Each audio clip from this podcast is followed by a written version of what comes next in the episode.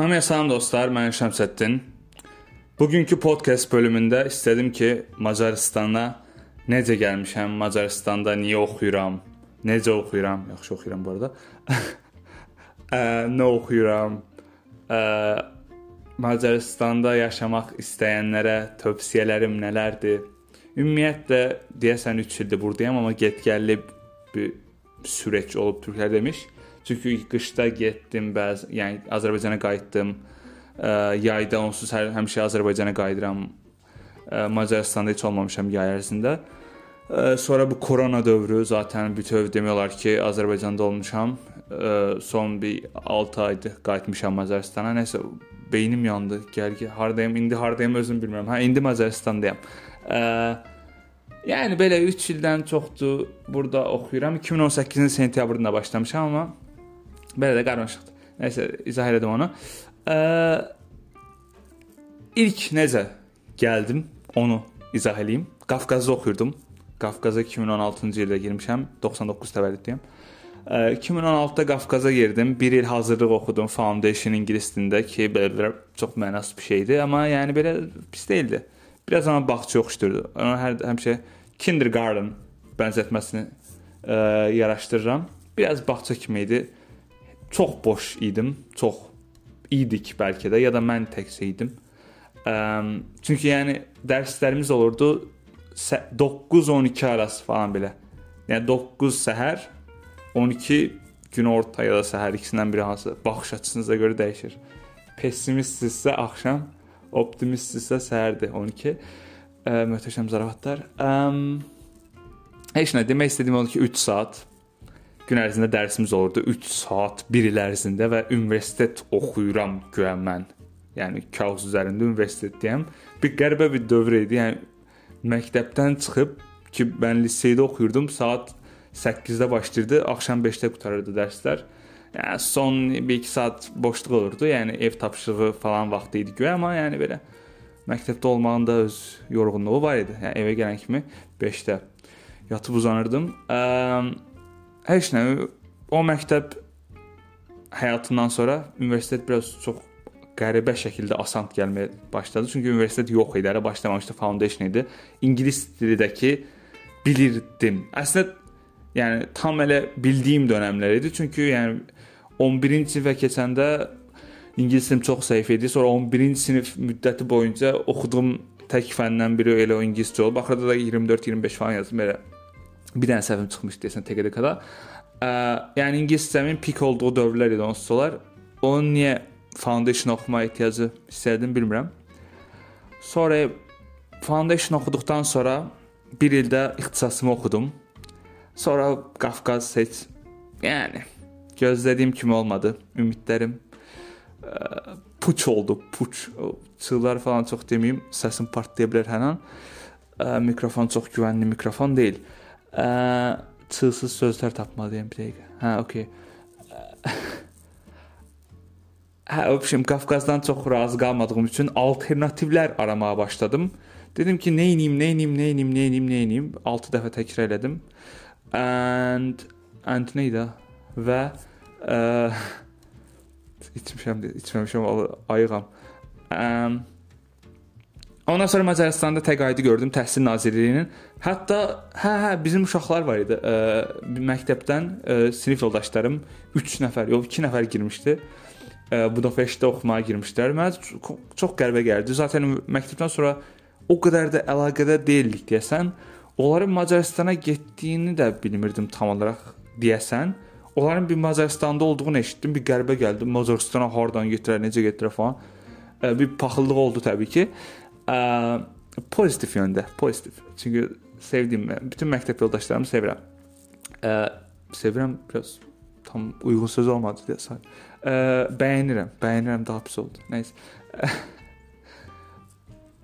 Onların orada olduğunu öyrəndim. Sonra araşdırdım falan Macarıstan ha təhsil naziri qəbul şey apply eləmək olar, müraciət eləmək olar. Mən də option IELTS hazırlaşdım. Ə, deməli Onların Macaristanda olduğunu sentyabrda öyrəndim. Qaza gəldim. Oktyabrda IELTS üzrə başlamışdım. 3 ay çəkdi. Yanvarın 5-i 10-u falan imtahana girdim. 3 həftə onun cavabı çıxdı fevralın 1-i. Sonra fevralın axırı, ə, martın 5-i falan Təhsil Nazirliyində intervyuya girdim. İntervyu heç gözləmədiyim qədər yaxşı keçdi. Çünki bir ki taktikdən istifadə etmişdim. Orada oldu ki, detallarına girməyəcəm. Bəlkə bunu gələcəkdə daha uğurlu həyatım olsa televiziya kanallarına müsahibə verəndə istifadə edəcəm. Əm, heç nə orada müsahibədə möhtəşəm şəkildə ə, uğurlu bir cümlə tamamlayamayacağam. Müsahibəni uğurlu halda tamamladım və ə, sonra Macaristana qəbul oldum. Macaristana qəbul olandan sonra çox həvəsli idim. Ə, Qafqaza da gedirdim. Dərslərə elə belə otururdum. Mırta. Ha bir də sizə şeyə danışmadım. Macaristana niyə gəldim onu danışmadım. O da maraqlıdır. Səbəblərimdən biri də biri zaten olduğum yeri, məkanı, ə, bütün ətraf mühiti dəyişdirmək istirdim. Yeni bir challenge ingiliscə demiş. Yeni bir macəra axtarırdım. Ə, bir də ki Qafqazda rus dili keçirdik. Rus dilinə nifrət edirəm. Ə, nifrət eləmirəm, amma edirəm, nifrət edirəm, hə. Ə, və heç cür qəbul edə bilmədim ki, necə ola bilər mən universitet oxuyuram və mənə soruşmadan, yəni option, yəni seçənəklər olmadan mənə dil təyin eləyib onu öyrətməyə çalışırlar. Yəni universitet tələbəsinə dil təyin eləməzsən də yəni təklif eləyərsən italyan, ispan, rus, hansını öyrənsən, gəl öyrən. Heç nə bizə rus dili də öyrənsən. Mən dedim istəmirəm mən rus dili. Sonra müəllim də biraz çox tələbkar idi. Uy, nəysə, uf. Yanıma düşdü o pis günlər. Əm, heç nə belə biabırçılıq idi. Öyrənmək istəmirdim, dirənmişdim. Müəllim şey, hə müəllim bir də şey idi. Ə, bağça müəllimi idi. Bağça deyildi. E, bağça idi deyəsən. Ya az yaşlı uşaqlarla işləyirdi, onu bilirəm. Bəlkə də ilk 4 ilə biz nə deyirdik? Hə, ibtidai. Bəlkə də elə bir müəllim falan idi. Bildiyi sanki uşaqlarla işləyirdi dərsdə. Yəni inanılmaz bir şey idi. E, özü 4 yaşında bəbə hiss edirdim. Müəllim elə danışırdı ki, elə bir ki, universitet tələbələrindən e, dialoq qurmur. Nəysə. E, belə biabırçılıqlardan sonra dedim ki, mən burdan çıxmalıyam, qaçmalıyam, getməliyəm şansım da yavər getdi türklər demiş. Qəbul oldum. Belə dümdüz girdim. Hansı şəhəri seçmişdim? Se Seget şəhərini deyəmədim o şəhərin. Seget şəhərini, Seget universitetini seçmişdim. Niyə? Niyə həqiqətən ola? Bilmirəm niyə. Bu günə qədər o sir olaraq qalıb. Niyə mən Segedi seçdim ha? Ə, bilmirəm. Balaca şəhər idi. Hələ də balaca şəhərdir. Sakit, səssiz, balaca, dost canlısı, bütün ingiliscə sözləri tərcümə etdiyimə görə, hə, elədim, do, friendly. Ə, ə, başqa da ki belə böyük şəhərdən Bakıda yaşayırdım. Bakı əslində Bakıda da yaşamırdım mən. Xırdalına gedirdim Qafqaz üçün. Ə, yəni bilmirəm, böyük şəhərə girişmək istəmədim. Bir də böyük şəhər bahalıdır təbii ki. Burada təqaüd alıram. Yəni Hə, hamısını hesablamışam əslində. Bir dəqiqə. O gözlədiyim qədər, təxmin etdiyim qədər axmaq deyilmişəm.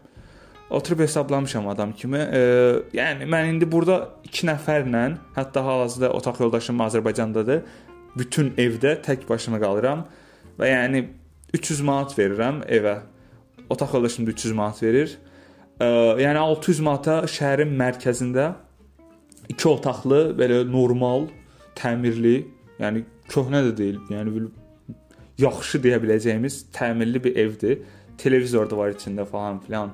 Ütü, televizor, tostoran, hər şey var. Ə, belə. Mən hardan bura gəldim ona? Hə, Budapeştdə isə yaşamaq çətindir, çünki bahalıdır. Ə, Budapeştdə yaşasam dormitor, yəni yataqxanada yaşamalı olacam. Yataqxanada da ə, mən yəni mənlik deyil. Burada Segetdə ilk semestrimi yataqxanada qaldım. 6 nəfər. 6 nəfər. 6 düzü 3 otaq idi. Yəni 3 otaqlı bir mənzil kimi düşünün. Amma yəni bir mənzildə 6 nəfər, mənim otağımda da 2 nəfər idik. Mən və kimsə olaraq 2 nəfər. Efiopiyalı qaqaş idi. Adını unutdum. Qaradərli bir dostumuz idi. Heç nə belə aramızda yaxşı idi. Prosta 6 nəfər nədir insan? 6 nəfər ins nəysə. Yaxşı yadıma düşdü. o belə bir də məndən çoxu yaşca böyük idi. Biraz əslində həm yaxşı tərəfləri var, həm pis tərəfləri var bu hadisənin. Yaxşı tərəfi odur ki, biraz ağılları başında idi. Malda idilər. Gənc olsalar həm əyləncəli ola bilərdi, həm də əyləncəli olduğu qədər də yəni bezdirici ola bilərdi. Nəysə, belə ilk semestr yataqxanada qaldım, sonra çıxdım evdə qaldım, amma Budapeştdə yaşasam böyük ehtimalla yataqxanada sürünməli olacaqdım ya da ki, evdən bir əlavə miqdarda pul alıb, ə, yat, yəni evdən pul alıb, yəni Bakıdan, ailəmdən pul alıb, burdakı Budapeştdəki evə ödəməli idim təqaüdün yanı sıra təqaüddən əlavə olaraq. Bu da ki sərf eləmədi. Ona görə balaca şəhər. Segeddə buranın ən böyük üçüncü şəhərdir, amma ikinci də deyə bilərik. Debrecen ikincidir. Bu da eyni ölçüdə eyni böyük bir şeydir. Ə, universiteti 1 nömrədir. Yəni mənim oxuduğum fakültə heç bir dəxlisi olmasa da, iqtisadiyyat, biznes oxuyuram, menecment. Ə, hamısını oxuyuram bu arada, iqtisadiyyat, biznes, menecment. İxtisasın adında var. Ə, Hə, universitet olaraq 1-ci sırada da Macaristanda və son 5 ildə belədir bu. Mən girdiyim ildə də, hal-hazırda da Macarıstanın bir nömrəli universitetidir. O da ki, e, buranın yəni biologiya, tibb, kimya, fizik, fizika yox, tibb, kimya, biochemistry falan babatdır buranın. E, yəni dünya çapında uğurlu bir e, departmanlar var deyim. O da universiteti ön plana çəkir. Ona görə də biz də şəllənirik onun onun hesabına güya indi Macarıstanın bir nömrəli universitetində oxuyuram, amma bunun iqtisadiyyat fakültəsinə çox bir dəxlisi yoxdur. Müəllimlərin bəziləri heç ingiliscə danışa bilmir. Danışa bilirlər, amma yəni aksanları falan var. Yəni belə filmlərdə gördüyümüz qədər şey deyil. Başa düşmək olarmı? Nəysə. Nə çox danışdım ha, 12 dəqiqə danışıram. Və heç bir şey hələ girişməmişəm. Hələ Macaristana gəlməmişəm desə. Macaristana gəlməyim bu qədər çəkdisə. Nəysə Macaristana gəldim, çox həvəsli idim. Macar dili öyrənirdim bir ara yayda. Yəni sentyabrda gəldiyim üçün dərslər başladığı üçün sentyabrdan əvvələ qədər yayda oturub macar dili falan öyrənirdim. Təbii ki, bunu davam etdirmədim. Çünki dil çətin dildir və yəni öyrənsəm babat olardı əslində, amma belə baxanda ə, e, öyrənmədim. Ərindim. Bir də yəni dedim Macaristanda mı qalacağam, həyatımı burada mı davam etdirəcəm? Yəni 3 il oxuyub gedəcəmsə, 4 il oxuyub, 3 il yarım oxuyub gedəcəmsə, bu dil mənə harda qalacaq və onsuz unudacam istifadə eləmirəmsə, uf, rep dedim. Bir nəfəs alım. Hə, amma yəni 3 il yarım üçün bir dil öyrənməyə dəyərmiş, onu anladım. Yəni belə anladınız nə deyirəm? Belə lokal əhali ilə, yerli insanlarla əlaqəmi qurmaq onlara faydalı ola bilərdi, amma Yəni belə ingiliscə də çox pis olmadı. Çox da yaxşı olmadı, amma çox da pis olmadı. Nəysə. Qanımı qaraltmayım gecə-gecə. siz öyrənin amma. Siz Macar dilini öyrənin. O şeylər, seçənəklər artır. Yəni e, kitab mənasında deyirəm. Daha çox kitabxanada kitab oxuya bilirsiniz Macar dilində. Ə, heç nə. Ə, Macaristan belə də gəldik, gördük o birisi neydi? Veni Vidi Vici geldik gördük. Galip geldik. Neyse. Ee, Macaristan. Sizə Budapeştdə oxumağı tərcümə e, tərcümə edirəm. Tər tə, advice. E, tə, bir dəqiqə, üf. Sizə Macaristanda oxumağı e,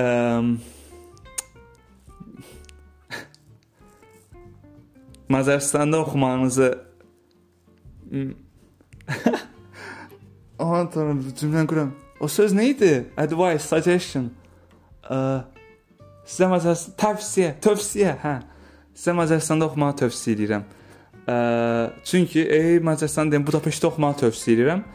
Çünki Budapeşt ə, böyük şəhərdir, sıxılmazsınız. Yəni olsun biraz bahadır. Yəqin siz, siz məndən biraz varırsınız. Bu podkastı dinləyirsinizsə, biraz o varsınız. Yəni siz də az deyilsiniz də bir kasıb küsub podkastından bir kasıblar can dərdindədir. Nə, nə podkast? Sizdə var bir atanın 3 dənə maşını falan ola bilər. Ona görə sən kef elə. Yəni sən Budapeştdə ox. Sən heç pulun dərdinə şey eləmə.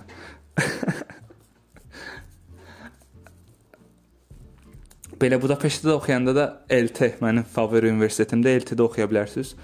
Ə, yaxşı universitetdir. Bilmirəm niyə adı, adı zordur. Etveşlörənd. EGTM falan belə bir şeydir. Tudaman EGTM, bəli. LT. Macaristanda başqa nə qaldı? Macaristanda yaşam, Macaristanda qiymətlər falan filan marketlərin qiymətləri normaldır, yaşamalıqdır. Spendi alırsınızsa bomba, almırsınızsa onu bilmirəm, bayaq danışdığım mövzunu varırsınız onsuz. Belə də, yəni dünyanın ən möhtəşəm təqaüdünü də vermir. O təhsil nazirliyi, yəni Stipendium Hungaricum təqaüdü. Belə yaşayıb gedirik də. Evdən alıram bir 100 manat, 150 manat hər ay. Bəs eləyir. Biraz daha bomba yaşamaq istəsəm 200 manat daha yaxşı olar.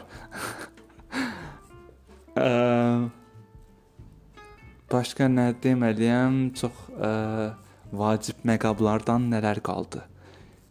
Macarıstan haqqında podkast açıb 20 dəqiqə Qafqaz haqqında danışdım deyəsən və son 30 saniyəndə Macarıstan haqqında danışdım. Səqət yaxşı şəhərdir. Belə özünüzə güvənirsinizsə, yəni heç sıxılmayacağam. Sakitlik axtarıram, huzur axtarıram. Daha az insan görmək istəyirəm. Desəniz, bir də qızsanız, qızsanız, o cümlə qız isəniz, qadın xaylağı isəniz, səqət yaxşı ola bilər. Amma bir oğlan olaraq səqət biraz ə, şəxsi həyatınızda çox da uğurlu olmaya bilər. Yəni Budapeştdə müqayisədə. Amma qızsanız onsuz çox fərq eləmir. Hara getsəniz şey var. Ə, başqa, başqa. Mən niyə içmiş kimi danışıram? Başqa, başqa, başqa. Bu qədər. 17 dəqiqə olub. Məncə çox vaxtınızı almayım. Bu podkastı dinləyənə Azərbaycan milli qəhrəmanı adı vermək olar. Yaxşı, indi milli linç yeyəcəm bu cümləmə görə. Nəsə bağlayım, çox danışmayım, linç yeyə bilərəm. Hə, görüşərik, sağ olun.